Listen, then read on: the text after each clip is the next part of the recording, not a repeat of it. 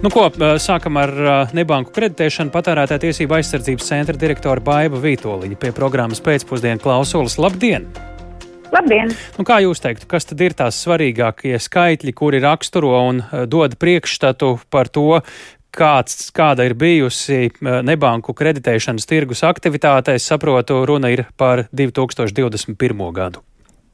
Jā, nu 2021. gads ir tāds pirmais gads pēc, eh, faktiski pēc pandēmijas sākšanās 2020. gada sākumā, kad kreditēšana atkal ir eh, mm, sākusi palielināties, tad ir uh, gana nopietni palielinājies šis te no jauna izsniegto kredītu apjoms.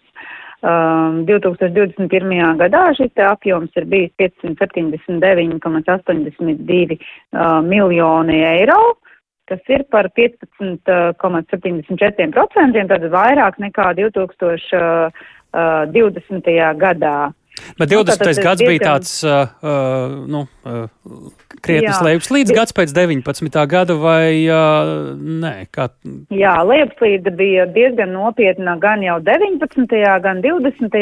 gadā, uh, jau sākot, uh, nu, pēc uh, kredīta izmaksu ierobežošanas. Tas bija jau pirmais iemesls. Nedaudz uh, ceru, ka šis apjoms uh, vislielākais 19, 18. gadā ir bijis 629 mm. miljoni vienā gadā.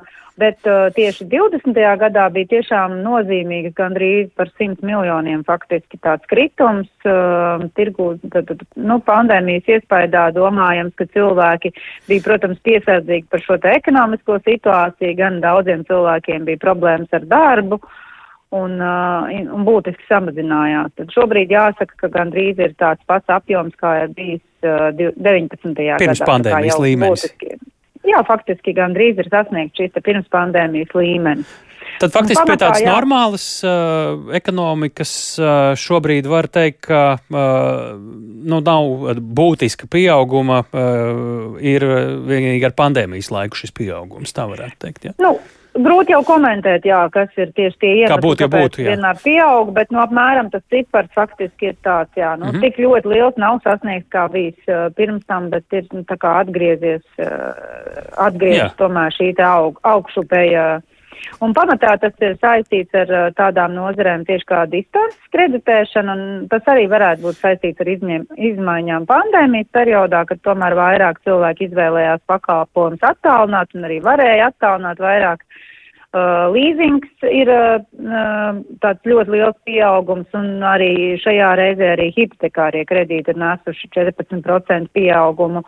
Bet samazinājums ir ļoti jūtami vērojams tieši kredītos pret kustamas lietas ķīlu, tā kā Lombardos, nu, kas iespējams arī saistīts ar to pārmaiņu no klātienes varbūt uz attālināto, ja, tā kā, mm.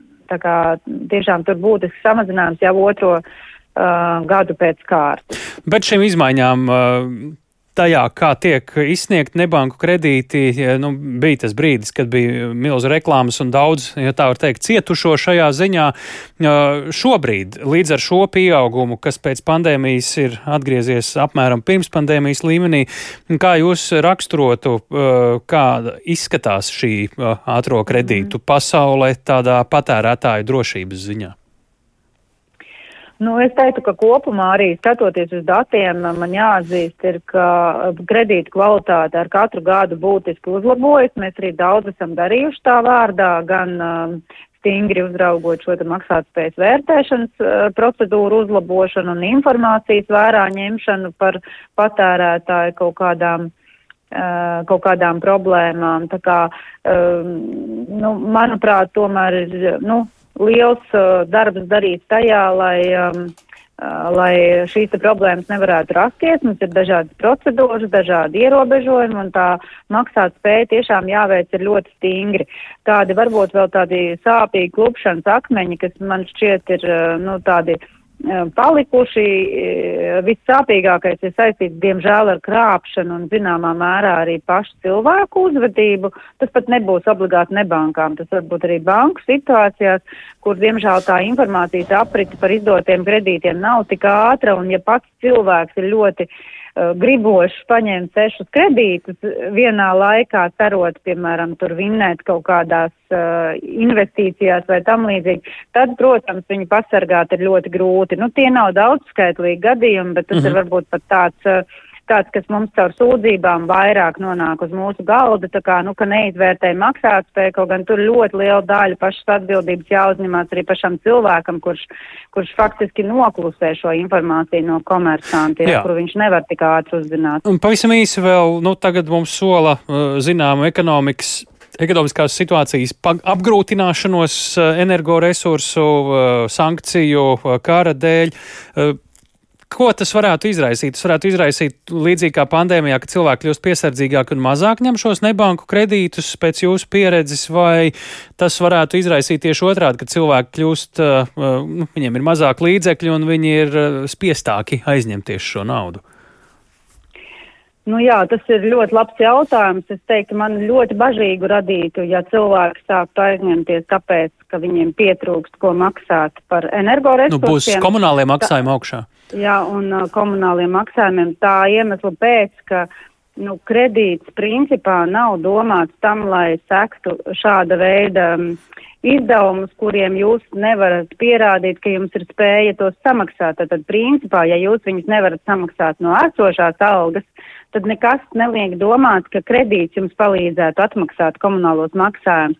Tāpēc es teiktu, ka uh, komersantiem būtu ļoti rūpīgi jāpie, jāpārdomā, kādā veidā tomēr uh, šo te izķert, un principā es teiktu, nevajadzētu nekādā gadījumā veicināt šādu uh, process, tas būtu ļoti negatīvs un mums tiešām būtu vairāk jādomā, kādā veidā tiem, kas nevar samaksāt, dot valsts atbalstu vai pašvaldību atbalstu Aha. un cilvēkus veicināt iet tur, jo šis nepalīdzēs tieši vedīt uz grāvi. Tā kā paldies pat, ka norādījāt šodien arī šo, šo problemātiku, jo faktiski tas Tas būtu tāds. Ļauj saspicēt uzmanību uz to, jā, klausītājiem, jā. un domāt domājošiem, tā varētu teikt, un godri jā. un atbildīgi. Lielas paldies par sarunu, Baiba Vītoliņa, patērētā tiesība aizsardzības centra direktora programmā pēcpusdiena.